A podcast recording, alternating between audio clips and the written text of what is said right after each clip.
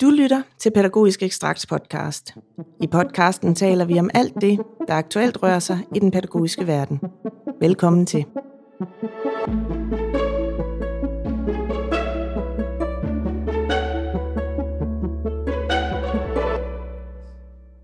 Jeg har inviteret Tore Nærgaard Kjellov i studiet til en snak om spilpædagogik og om de muligheder, som vi måske nogle gange overser, når vi tænker traditionelt om undervisning. Tore er aktuel som medforfatter til den nye fagbog Sæt skolen i spil, der handler om, hvordan man kan arbejde med motivation og samarbejde gennem computerspil og gamification i folkeskolen. Han er direktør i iværksættervirksomheden Ugly Duckling Games, som har lavet Dramastudie. Dramastudie er et kreativt multiplayer storytelling-værktøj, og så er han selvfølgelig pædagog. Velkommen til dig, Tore. Tusind tak. Vil du øh, starte med at fortælle os lidt om, hvordan du begyndte at interessere dig for det her felt med spil og læring? Ja, åh, det er jo en lang historie, men jeg skal prøve at gøre det kort. Um, det starter nok i virkeligheden i min egen folkeskoletid, fordi um, jeg er ikke selv synderligt engageret i skolen. Uh, jeg laver absolut et minimum, og nogle gange lidt mindre. um, men, det, tror jeg, det tror jeg, vi er mange, der kender. men øh, det går nu alligevel meget godt, og efter min øh, 9. klasses engelsk eksamen, så kom jeg ud med et, øh, synes jeg selv, lidt heldigt 13-tal. Og min øh, daværende engelsklærer kom hen til mig og siger, så hjalp der alligevel at skælde ud, var. Ja. og, jeg, og jeg bliver øh, fuldstændig mundlam. Jeg har stadig til den dag i dag, det er jo så mange, mange år siden, kan jeg godt sådan gå rundt og tænke, hvad skulle jeg have svaret? Hvad skulle jeg have sagt? Øh, jeg fik aldrig sagt noget, men jeg begyndte at tænke over, hvordan det var egentlig, jeg havde øh, lært engelsk, fordi jeg mente ikke, at det handlede om, at jeg havde fået skæld ud og fået sædler hjem om alle de afleveringer, jeg ikke havde lavet, og alt det, jeg ikke havde deltaget. Øhm, jeg tænkte, at det måske mere handlede om, at øh, jeg var så optaget af spil og film, som jeg var. Og min øh, rollespils regelbog, øh, den var kun på engelsk. De spil, jeg spillede, var på engelsk. De film, jeg gerne ville se, var på engelsk. De serier, jeg så, var på engelsk. Um, så jeg tænkte, at det nok mere handlede om, at jeg havde en, uh, en indre motivation, en indre, et indre drive for at lære det her, fordi jeg havde lyst til det, fordi det var meningsfuldt for mig, um, og det var den måde, jeg havde lært engelsk på. Ja. Og så, altså, så går det jo sådan lidt derfra, kan man sige. Um, jeg, um, jeg kommer fra en familie kun af lærer. Uh, de er alle sammen lærer. Min mor er lærer, min far er lærer, min stefar er lærer, min søster er lærer, alle onklerne er lærer, alle sammen er lærer, så jeg skulle lave noget andet jo, ikke? Um, og jeg startede på EDB-skolen, og brugte et par år der, dumpede min hovedopgave, og øhm, var egentlig ikke rigtig interesseret i at tage den om, fordi jeg synes ikke, studiet var så spændende. Jeg synes, faget var rigtig spændende, men studiet var jeg ikke så glad for. Og jeg var øh, på de ting, jeg ligesom havde... Um, fordybet mig i under studiet, som sjovt nok var noget andet end det, der egentlig var på skemaet, øh, var jeg begyndt at få, øh, få jobtilbud faktisk også. Øh, men jeg havde en interesse i IT. Jeg havde også allerede dengang iværksætterdrømme. Jeg ville gerne lave mit eget firma. Um, og de jobsamtaler, jeg blev kaldt til, var alle sammen nogen, der ligesom overlappede eller havde interessekonflikter med det firma, jeg gerne selv ville lave. Så um, så det gjorde jeg ikke. Jeg tog ikke nogen af de her jobs. Men mens jeg havde studeret, havde jeg suppleret min SU som pædagogmedhjælper på et opholdssted. Ja. Øh, min forældres opholdssted for øvrigt. Og øh, de stod og manglede en pædagog. Og syntes, at jeg passede fint, og det ville jeg gerne gøre. Så jeg sagde ja tak til pædagogstillingen og tænkte, super, så kan jeg, hvad hedder det, um, så kan jeg få mad på bordet, og jeg kan starte den her firma. Og så skete der to ting. Uh, for det første, så fik jeg ikke startet det her firma. Nej, det, der var mange ting, og jeg var ung og sådan noget. Ikke? Øhm, for det andet så opdagede jeg, at det var helt vildt sjovt at være pædagog. Det var meget, meget sjovere at være rigtig pædagog med sine egne pædagogiske projekter, end det var at øh, være pædagogmedhjælper i weekenderne. Øhm, så jeg øh, hang ved der, og øh, på det her tidspunkt, der var jeg lidt selv holdt op med at spille. Jeg havde spillet meget som barn, men, øh, men jeg, nu var jeg jo sådan voksen og seriøs, og, og spil, det var lidt noget, det var et spild af tid. Øh, men nu startede jeg herude som pædagog og mine egne pædagogiske projekter. Et af mine første pædagogiske projekter, jeg tænkte, jeg ville sætte i søen, det var, at de her børn, de skulle lære en masse om IT. Fordi de var bagud på så mange felter, og jeg tænkte, her kunne jeg give dem en, øh, en edge. Det var tilbage omkring år 2000, så, så, så IT fyldte ikke så meget i samfundet dengang, som det gjorde, øh, som det gør nu. Og jeg tænkte, det var oplagt at give dem et forspring her. Og det virkede ikke, fordi øhm, de var sådan set ikke interesseret i at lære Nej, noget IT. det, var, det, var, det, var, det, var, det var min agenda, jeg forsøgte at trække ned over dem. Det var, det var de ikke interesseret i. Ja. Øhm, til gengæld så var de interesseret i at spille. Og det synes jeg jo, at det måtte så være det næstbedste. Øhm, men de sappede hele tiden. De Ja. ja. spillede et spil i to-tre minutter, så skiftede de til et andet spil to-tre minutter, så skiftede de til et andet spil to-tre minutter. Så jeg havde svært ved at spille med dem, og det ville Ja. ja. jeg jo gerne. Det tænkte jeg, det var, det, det var der et pædagogisk værdi i at Ja. spille med dem.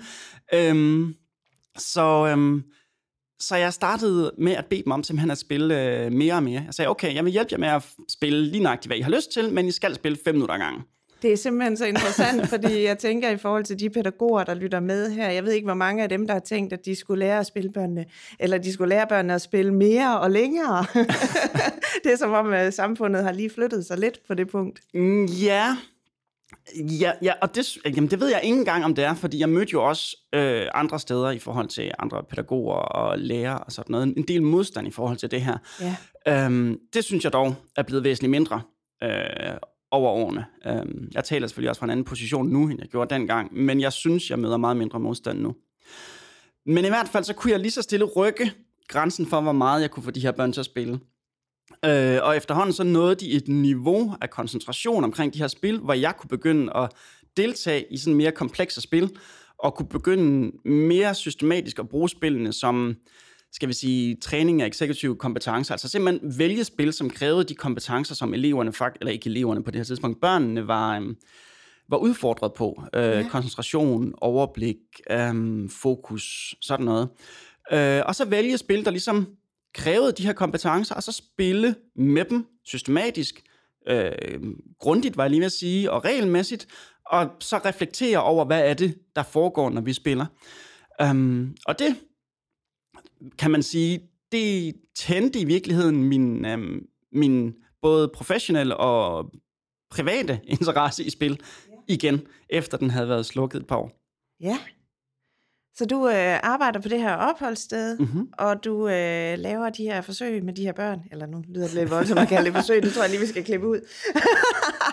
Men du får de her erfaringer med de her børn på opholdsstedet. Hvad sker der så? Jamen, øhm, altså der er, der, er- der er mange erfaringer, både med øh, computerspil, men også med, øh, med rollespil. For eksempel så er jeg på et tidspunkt på sådan en dannelsesrejse på en lille græsk ø med, øh, jeg tror det er seks af de her børn. Selvfølgelig ikke alene, vi er flere afsted.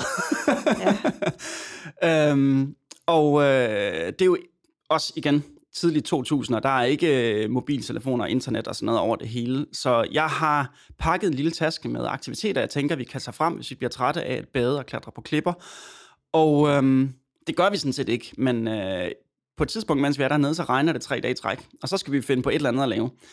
Og øhm, jeg tager blandt andet øhm, min Pokémon-kort frem og spiller med dem, men jeg tager også øhm, mine gamle rollespilsager med, som jeg egentlig havde brugt til selv at lære engelsk med øh, Ja. i, i, i folkeskolen. Og jeg begynder at spille med de her børn, og jeg oplever noget rigtig spændende, synes jeg. De er meget dårlige til at spille rollespil, men på en rigtig interessant måde. Ja, okay. Ja, jamen de, øh, de spiller ikke roller. De, de spiller sig selv. Ligegyldigt hvad for en rolle de får, så er de sig selv i rollen. Øhm, så øh, eksempler som, at øh, selvom det er, er gratis ufarligt, eller hvis vi sidder bare omkring bord og snakker, så tør de ikke spørge om vej, når de er faret vild. Øh, deres eventyrfigurer mister alt deres udstyr, og jeg opfinder en øh, venlig bondemand, som tilbyder dem et job, og bondemanden, altså mig, Ja. øh, spørger dem øh, om, hvor meget de kan arbejde om dagen. Og de læner sig tilbage, lægger armen over kors og siger en halv time. Og det er fuldstændig gratis for dem at sige øh, 18 timer, eller 20, ah, ved 20 timer, der vil jeg nok begynde at sige, at I skal også sove og spise og sådan noget. Ja. Men, øh, men det er fuldstændig gratis for dem at, at, at sige et større tal, og Ja. ja. få mere tilbage. Men de er så meget sig selv, at selvom det bare er rollespillet, selvom det bare er, er øh, snak og papir på et bord, så er de bare sig selv. Men jeg opdager også, at det er meget nemmere at snakke øh, med dem om den konflikt, eller hvad man skal kalde det, der er mellem bundemanden og eventyrene, end det er at snakke om en tilsvarende konflikt, når det er mig, der beder dem om at hjælpe med opvasken, eller Ja. dækkebord, eller noget af den stil. Um, så da jeg kommer hjem fra øh, den her rejse, så begynder jeg mere systematisk at spille rollespil med de her øh, børn. Og jeg inviterer, hvad skal man sige, det lyder forkert at sige almindelige børn, for de her børn er også almindelige, men jeg øh, inviterer øh, mere velfungerende børn fra lokalsamfundet øh, ind på opholdsstedet til øh, sådan nogle ugenlige rollespilstationer, sådan så de her øh, anbragte børn har nogle mere, øh, hvad skal man sige, almindelige øh, handlemønstre og forståelsesmønstre at spejle sig i, når vi spiller. Ja. Og det går egentlig godt, og vi øh, spiller og har rigtig mange gode oplevelser med det. Og øh, så bliver jeg far. Ja. og det, øh, det lyder måske ikke som om, det har noget med det her at gøre, men det har det lidt, fordi arbejdstiderne på opholdsstedet var lange og skæve, og jeg kom tit hjem klokken 10 om aftenen og havde øh, døgnvagter og sådan noget. Og det passede bare rigtig, rigtig dårligt i vores lille ja. familie, ja. og som at være, øh, hvad hedder det, være småbørns forældre. Så i stedet for, så begynder jeg at kigge mig om efter andre jobs. Ja. Og jeg finder en specialskole i nærområdet, Columbusskolen i Skorby. Og jeg tager ned og øh, besøger dem, og synes, at det ser da spændende ud. De må da gerne få en ansøgning. Og øhm, de, vil heldigvis, de synes heldigvis også, at jeg så spændende ud, for jeg bliver i hvert fald ansat. Øh, og jeg har selvfølgelig fortalt om alt det her med rollespil øh, i forbindelse med, med jobsamtale og sådan noget. Så, så et af de første projekter, jeg sætter i søen i, på, i, på Columbo-skolen, det er, at børnene skal spille rollespil. Ja. Og det virker ikke. Nej, det virker ikke. Nej, fordi de her børn, de har nogle andre udfordringer, end de børn, jeg havde spillet med før. Ja. Uh, de børn på opholdsstedet, det var primært børn med tilknytningsforstyrrelser, og de børn på Columbo-skolen var primært børn med ADHD-problematikker. Um, så det er nogle andre ting, der ligesom spænder ben for de her børn. Ja. Men nu er det det første, jeg ligesom har sat i søen, så det skal bare virke, synes jeg. Så jeg sætter øh, næsen i sporet og begynder at skrue på alle de knapper og, øhm, og parametre, jeg synes, jeg kan skrue på. Og efter noget tid, så får jeg faktisk lavet en, øh, en ramme omkring rollespillet, som gør, at de kan spille rollespil. Det gør også faktisk, at de kan spille rollespil så godt, at de faktisk gør alle de ting, der står i deres papir, de ikke kan. Altså, ja. de øh, skriver og regner på langt højere niveau, end når der står dansk og matematik på skoleskemaet. De diskuterer moral og etik og venter på tur og koncentrerer sig i timevis. Det var faktisk rigtig tit mig, der havde brug for en pause, før børnene havde brug for en pause. Ja. Og det synes jeg var super interessant, fordi det kunne vi overhovedet ikke få dem til at gøre i, øhm, i, i klasselokalet, når der stod, altså når, når vi havde traditionel undervisning. Ja. Og det er jo så her, jeg får den tanke, der ligesom leder mig videre ned ad den her vej, med at måske er der faktisk ikke så meget galt med børnene, som der er noget galt med den måde, vi underviser på.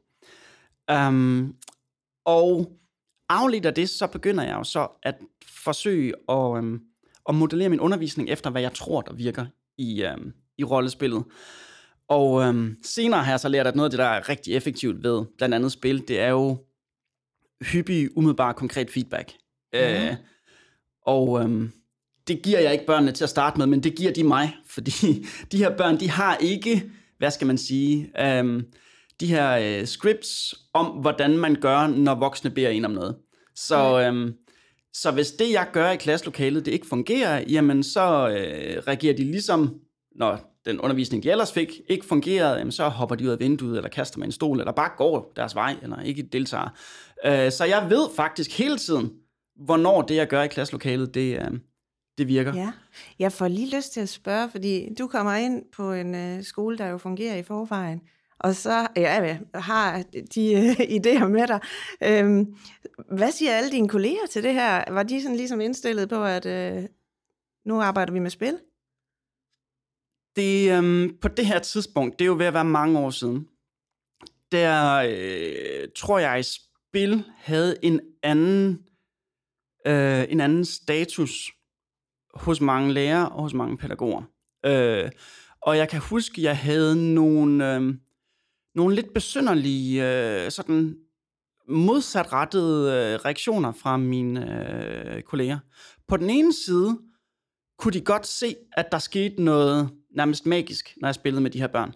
Ja. Øh, vi havde sådan nogle, øh, hvad hedder det, øh, valgfag, som typisk, øh, altså det var et eller andet, det kunne være sløjt eller gymnastik eller kunst eller noget andet, hvor der typisk var en holdstørrelse på fire, og så var der to voksne på ad gang.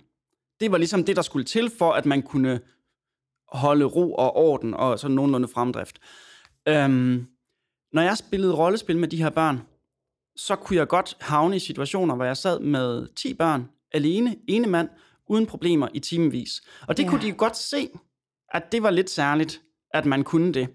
Men derfra til at acceptere, at det her var en, øhm, en vej ind i undervisning, der var faktisk et stykke vej. Altså, ja.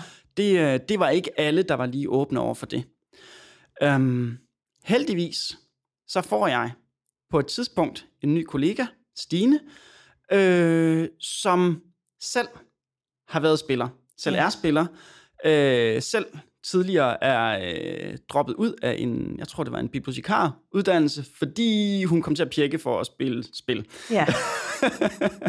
så hun er den første, som, som ikke bare anerkender, at her sker noget, øh, noget spændende, men som rent faktisk engagerer sig i det og gerne vil bruge det her til noget, også i undervisningen. Og så er vi pludselig to, og så begynder det at gå stærkt. Øh, ja. Fordi så kan vi ligesom, så kan jeg noget mere. Ja. Øh, og og man kan sige, noget af det, der har været en, øh, en velsignelse for mig i hele den her proces, det er, at øh, ledelsen, både på opholdsstedet, som jo var mine forældre, de støttede selvfølgelig det, jeg lavede. Det var meget, det var meget dejligt at have sådan nogle forældre. Øh, men ledelsen på Columbus-skolen støttede også, hvad jeg lavede, til trods for, at ikke alle mine kolleger nødvendigvis synes, at ja. det, var, det var lige fedt. Øh, det gjorde dels, at jeg kunne blive ved, da jeg var ene mand, men det gjorde også, at der virkelig kunne komme fart på, da, ja. Øh, da vi var to. Altså, du fortæller, at I kan se, at det virker, fordi de her børn, de koncentrerer sig længere tid, og man kan være en voksen, og lige pludselig mange børn med dem, og de er helt engageret i det, der sker. Men er der på andre måder, I sådan kan se, at det her, det virker? Jamen, hvis vi så spoler en lille smule frem, ja. øhm, så sker der jo det, at øh, der er folk, der begynder at lægge mærke til det, der foregår i mit klasserum, og der er folk, der gerne vil øh, kopiere nogle af delene. Øh, men de løber lidt ind i en mur, fordi hele, alt det, der foregår øh, i mit klasserum, er bundet op på de her rollespilsoplevelser, som ligesom er, giver en meningsfuld ramme til resten af undervisningen. Og hvis ikke man er game master, hvis ikke man har erfaring med rollespil, så er det rigtig svært at skabe det her narrativ, der gør, at man kan hænge undervisningen op på det. Så øhm, for at forsøge at skalere det her, for at forsøge at gøre det mere anvendeligt i andre klasserum, så øh, vil vi gerne prøve at udskifte mig som game master med computerspil. Simpelthen for at lade computeren øh, facilitere spiloplevelsen, for at gøre det nemmere for andre at, øh, at overtage det her. Øh, gøre det i deres egen klasselokaler. Så vi søger øh, en pulje i Skanderborg, den innovative folkeskole, om øh, 250.000 kroner til alt muligt lækkert udstyr. Det får vi ikke. Nej. Nej, det får vi ikke. Vi får besøg af en meget, meget skeptisk konsulent, ja. som lige skal se, om vi ikke bare er ude på at få noget nyt legetøj til vores SFO. Men øh, det er ikke første gang, at øh, jeg har tænkt over det her. Øh, så jeg har en masse argumenter i øh, lommen, og han går heldigvis glad derfra, og går hjem til sin styregruppe, og øh, vi får 50.000. Ja. Og det er overhovedet ikke, hvad vi tænkte, men nu er vi ligesom i gang, og det betyder også, at vi bliver nødt til at fokusere meget skarpt på, hvad det er, vi vil med de her 50.000. Um, øhm, så vi køber en snak uh, gaming-computer og laver et uh, dedikeret gaming-rum på Columbus-skolen, og begynder at undervise med øh, omdrejningspunkt i computerspil i stedet for rollespil. Og her sker der så noget rigtig, rigtig spændende, synes jeg, fordi det, jeg oprindeligt har lavet ude på opholdsstedet med at øh, træne eksekutive funktioner, øh, bliver lige pludselig parret med den her meningsfulde ramme fra, øh, fra hvad hedder det, fra rollespillet, og nu kan vi både skabe meningsfuldhed øh, omkring undervisningen, som gør, at eleverne er interesserede, men vi kan også skubbe deres eksekutive kompetencer, vi kan skubbe deres øh, øhm, deres koncentrationstid, deres øh, fokus, alle de ting, som jeg også arbejdede med ude på opholdsstedet. Og pludselig så har vi elever, der i stedet for at kunne gå i skole to gange kvarter om dagen, eller sådan modtage traditionel undervisning, faktisk modtager traditionel undervisning to gange halvanden time om dagen, og derudover har en times spiltid, som både af træning af executive kompetencer øh, og øh, relationelle kompetencer, ja. øh, og en halv times refleksion om spiloplevelsen hver dag. Det vil sige, at de har faktisk fire og en halv times intensiv undervisning hver dag. Og vi kunne faktisk godt have brugt mere. Jeg gik til min leder og spurgte, om ikke vi kunne få mere tid, fordi børnene ja. kunne godt mere. Ja. Øh, men der var nogle øvre grænser for, hvor meget vi, hvor meget vi måtte... Øh... Hvor, hvor klar på undervisningen de måtte være. Præcis. Ja. øh, så, øh, men en del af det her, øh, hvad hedder det øh, projekt hos, øh, hos den innovative folkeskole hos Skanderborg Kommune involverede jo også en masse dataindsamling. Ja. Så vi begyndte jo mere systematisk at kigge på, hvad er det, der sker? Og vi kiggede både på faglige og, og øh, sociale kompetencer. Og i forhold til fagligheden, der kiggede vi på nationale tests, mm. fordi det var, man kan mene meget om nationale tests, det gør jeg sådan set også, men det var de redskaber, vi havde, og vi fik lov til at kommunen at gå ind bagved og se de faktuelle tal. Normalt så får man sådan nogle opsummeringer, men vi fik lov til at gå ind bagved og kigge på de, øh, sådan, de konkrete tal, øh, målinger derinde bagved, og vi kunne se, at vores elever i gennemsnit øh, forbedrede deres resultater med 121 procent. Det vil sige, de mere end fordoblede deres resultater ja. over de to år, vi havde dem i gennemsnit. Øhm, så det vil sige, at langt de fleste af de her elever, de enten øh, indhentede eller overhalede deres jævnaldrende i, øh, i almindeligt området. Samtidig så voksede klassen fra øh, fire elever til otte elever, og behovet for voksen hænder i undervisningen faldt fra tre til to samtidig, og tre af de her otte elever, vi havde til sidst, de endte tilbage i øh, alminområdet uden støtte.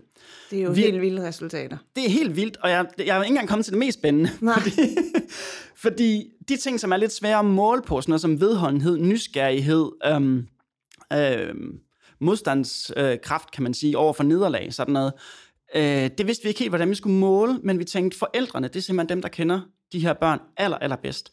Så hvert kvartal havde vi forældrene til at vurdere deres egne børn på skalaer på de her parametre. Ja. Og et år inde i projektet var øh, manglede vi, altså løb vi tør for skala. Der ja. var de gået, langt de fleste af de her, øh, hvad hedder det, forældre havde oplevet en, hvad de selv vurderede som en fordobling af de her kompetencer hos deres børn. Og det var sådan en skala fra 1 til 10, og eftersom alle værdier efterhånden lå på 10, så gav det ikke rigtig mening at blive ved med at måle efter ja. et år. Øhm, det var der selvfølgelig også nogen, der synes var spændende uden for Columbus-skolen, heldigvis. Øhm, blandt andet Torkel Hanghøj fra øh, Aalborg Universitet i København. Ja. Øh, og sammen med ham, så lavede vi først nogle pilotprojekter i øh, Skanderborg. Øh, og på basis af de pilotprojekter, så søgte vi øh, forskningsmidler hos Ekman-fonden. Ja. Og i februar 2015, der fik vi doneret 4,2 millioner til at undersøge effekten af det her i almenområdet. Ja. Og nu bliver du nødt til at... Øh, spørge mere specifikt, fordi ellers så taler jeg bare. det er helt okay. Øh, så nu har I fået nogle forskningsmidler fra Ekmanfonden. Og så vil jeg jo rigtig gerne høre, hvad det var, I så i det forskningsprojekt. Og i første omgang kunne jeg spørge i forhold til deltagelse. Yes. Det er jo meget sjovt, at spørge om det, fordi det er jo lige de deltagelse, vi primært har kigget på. Og det har vi kigget på i forhold til elever, som normalt ikke deltager. Øh, så vi har haft nogle fokuselever, som har været udvalgt af forskerne og har været udvalgt af lærerne øh, med udgangspunkt i deres deltagelse. Det vil sige, at de er ikke udvalgt med et, øh, med et diagnoseblik, de er udvalgt med et deltagelsesblik. Der er sandsynligvis nogle af de her elever, der har diagnoser. Det har vi slet ikke blandet os i. Vi har kun kigget på, om de rent faktisk deltager i undervisningen.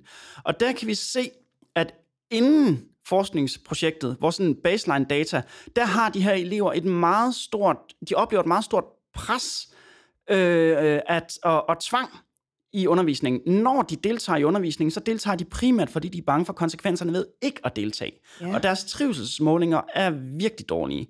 Allerede to uger inde i forskningsprojektet, der kan vi se, at de er begyndt at deltage øh, den her oplevelse af pres og tvang er forsvundet. De er mm. begyndt at deltage, fordi de har lyst til at deltage, og deres trivsel er steget tilsvarende. Altså så allerede to uger inde i forskningsprojektet, der er de faktisk på niveau med deres klassekammerater, som i forvejen trives i skolen. Okay, så har jeg lyst til også at spørge om noget andet, fordi man hører jo tit her i forhold til gamification og computerspil, at der er et kønsaspekt. Hvordan så I det i forhold til køn og piger og drenge? Ja, altså det, vi så faktisk noget af det, nogle af de resultater, som jeg er allermest glad for i forskningsprojektet, fordi inden forskningsprojektet er jo tit blevet spurgt om, men hvad så med pigerne? Fordi der er sådan en forestilling om, at det her det er en drengeting. Øh, men i forskningsprojektet så vi faktisk, at pigerne blev, var endnu mere positivt stemt over for den her måde at undervise på, end drengene var. Efter forskningsprojektet, der udligner det sig lidt, der kommer de ned på niveau med, med drengene. Og det er ikke en skidt ting. Drengene er positive, det skal man slet ikke, skal man slet ikke uh, misforstå her. Uh, så forskerne har selvfølgelig kigget på, hvad er det, der sker? Hvordan kan det være? Og deres konklusion er, at uh, pigerne simpelthen bliver positivt overrasket. Fordi vi kulturelt, socialt uh, i vores del af verden i hvert fald, ikke tilbyder den her type spiloplevelser til piger.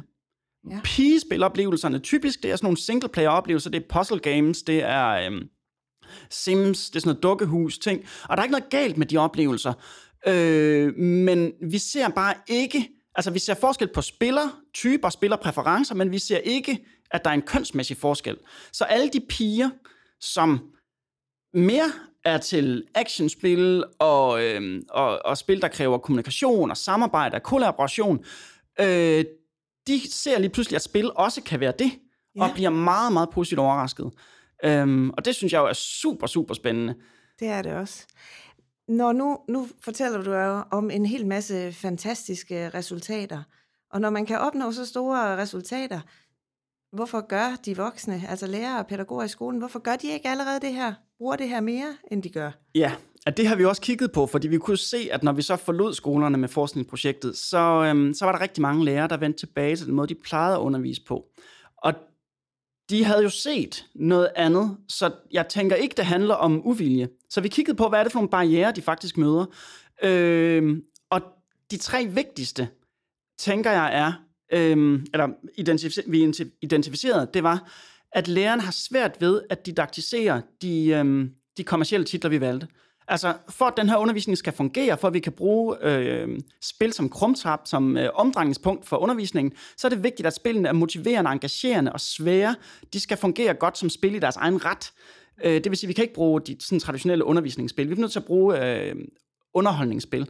Og det giver så nogle øh, udfordringer. Blandt andet, at lærerne havde svært ved at se de faglige og sociale potentialer i spillene. De kunne godt, ja. når vi sad ved siden af og hjælpe dem, holdt dem i hånden, men så snart de skulle gøre det selv, så blev det rigtig svært. Den næste ting var...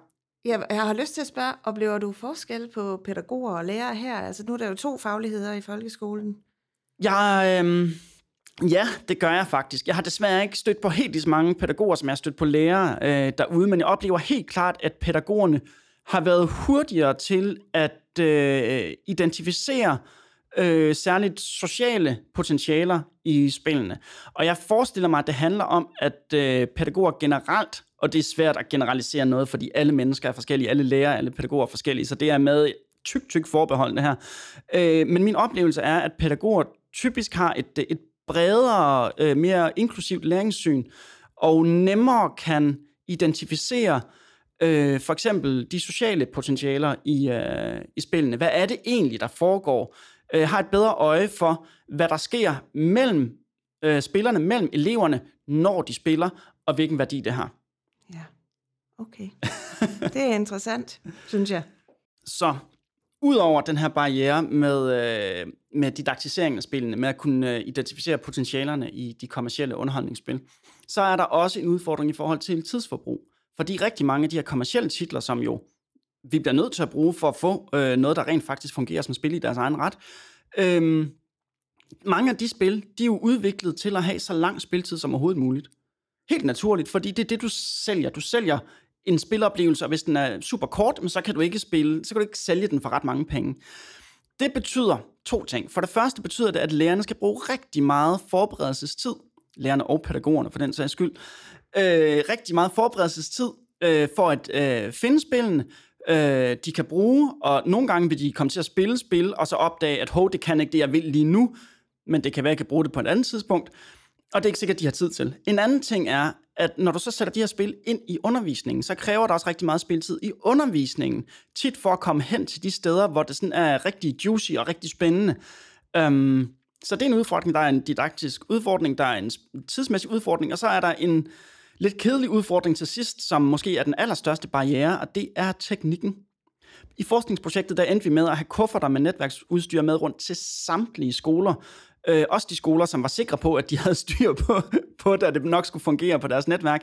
Ja. Fordi det gjorde det simpelthen ikke. Altså det var, når vi skal have de her øh, komplekse multi, multiplayer-spil op at køre, så kræver det bare nogle ting af hardware og infrastruktur, som ikke nødvendigvis er til stede på skolerne.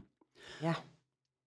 Så det er derfor, tænker jeg, at det ikke sker mere. Der er selvfølgelig steder, der forsøger at gøre øh, noget ved det, men så bliver det sådan nogle... Øh, øh, koncentrerede centre, hvor skolerne kan tage hen og lave noget, og så tage tilbage. Øh, men, men sådan en, en, en bred over en kamp ude på skolerne ting, der er det simpelthen ikke praktisk øh, lavet sig gøre lidt. Så I finder ud af i forskningsprojektet, at der er de her barriere. Ja. Hvad stiller man op med dem? Ja, øhm, de første par år, der forsøgte jeg, jeg vil ikke sige, om jeg vil øh, ignorere det, men der forsøgte jeg at klæde øh, lærere og pædagoger på til at øh, løse de her udfordringer, som jeg selv havde løst dem. Øhm, man kan sige, det er bare de færreste lærere og pædagoger, som tilfældigvis har en, en IT-faglig øh, baggrund mm. også. Yeah. Øhm, og det er de færreste lærere pædagoger, som arbejder på et opholdssted eller en specialskole, hvor der er øh, tid, rum, plads og ressourcer til at gøre det. Yeah. Øhm, så efter et par år som konsulent, hvor jeg har draget land og rige rundt og hjulpet lærere og pædagoger med at øh, forsøge at komme i gang, så øh, støder jeg på nogle rigtig dygtige øh, spiludviklere. Øh, Lars Kroll fra Ratatos Games og øh, Pelle Sølkær Christensen fra Gamecraft.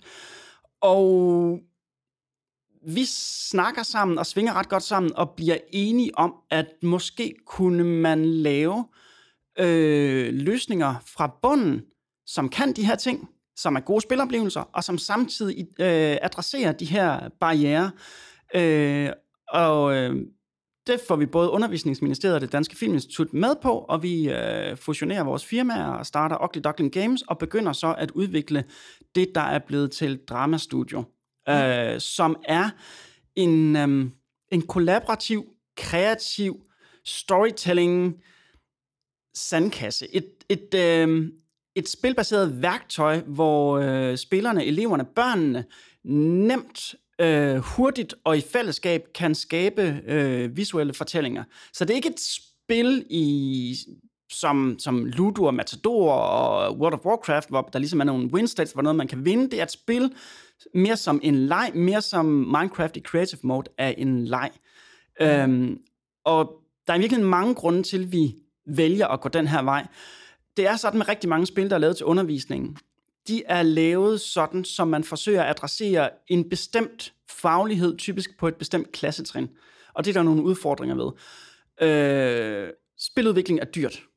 Så hvis du vil lave en rigtig god spiloplevelse til en specifik færdighed, til et specifik klassetrin, så ender du enten med et produkt, der er meget, meget dyrt til de få uger eller måneder, man kan bruge det i skolen, eller man ender med noget, som simpelthen ikke har en kvalitet, der er værd at samle op. Mm.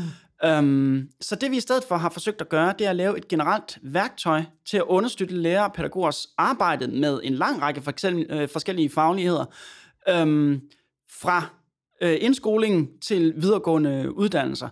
Øhm, og gøre det på en måde, hvor, hvad skal man sige, hvor det bliver nemt for lærerne at se produktet ind i deres egen undervisning. Ja. Hvis nu, øh, ja, nu ved jeg godt, du siger lærer hele tiden, og jeg siger pædagoger Undskyld, jamen det... hele tiden. Men hvis nu øh, pædagoger, de sidder og... du må gerne sige lærer. Det er slet ikke det. Vi tror bare, men måske det... vi har lidt flere pædagoger, der lytter med. Men, men det, det er ikke fordi, der er... Jeg tænker, der er en sønderlig forskel her. Det er bare fordi, nu har jeg... Øhm, gået blandt lærere de sidste mange, mange år, og jeg er vant til, at det er dem, der er mine kolleger.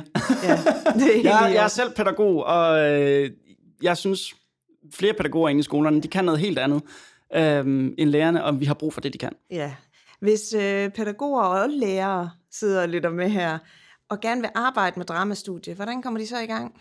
Jamen, øh, det er faktisk ret nemt. Du går ind på dramastudie.dk, og så trykker du på Spil Dramastudio, og så logger du ind med dit Unilogin, og når du har gjort det, så har du adgang til at lave et teaterstykke og en scene.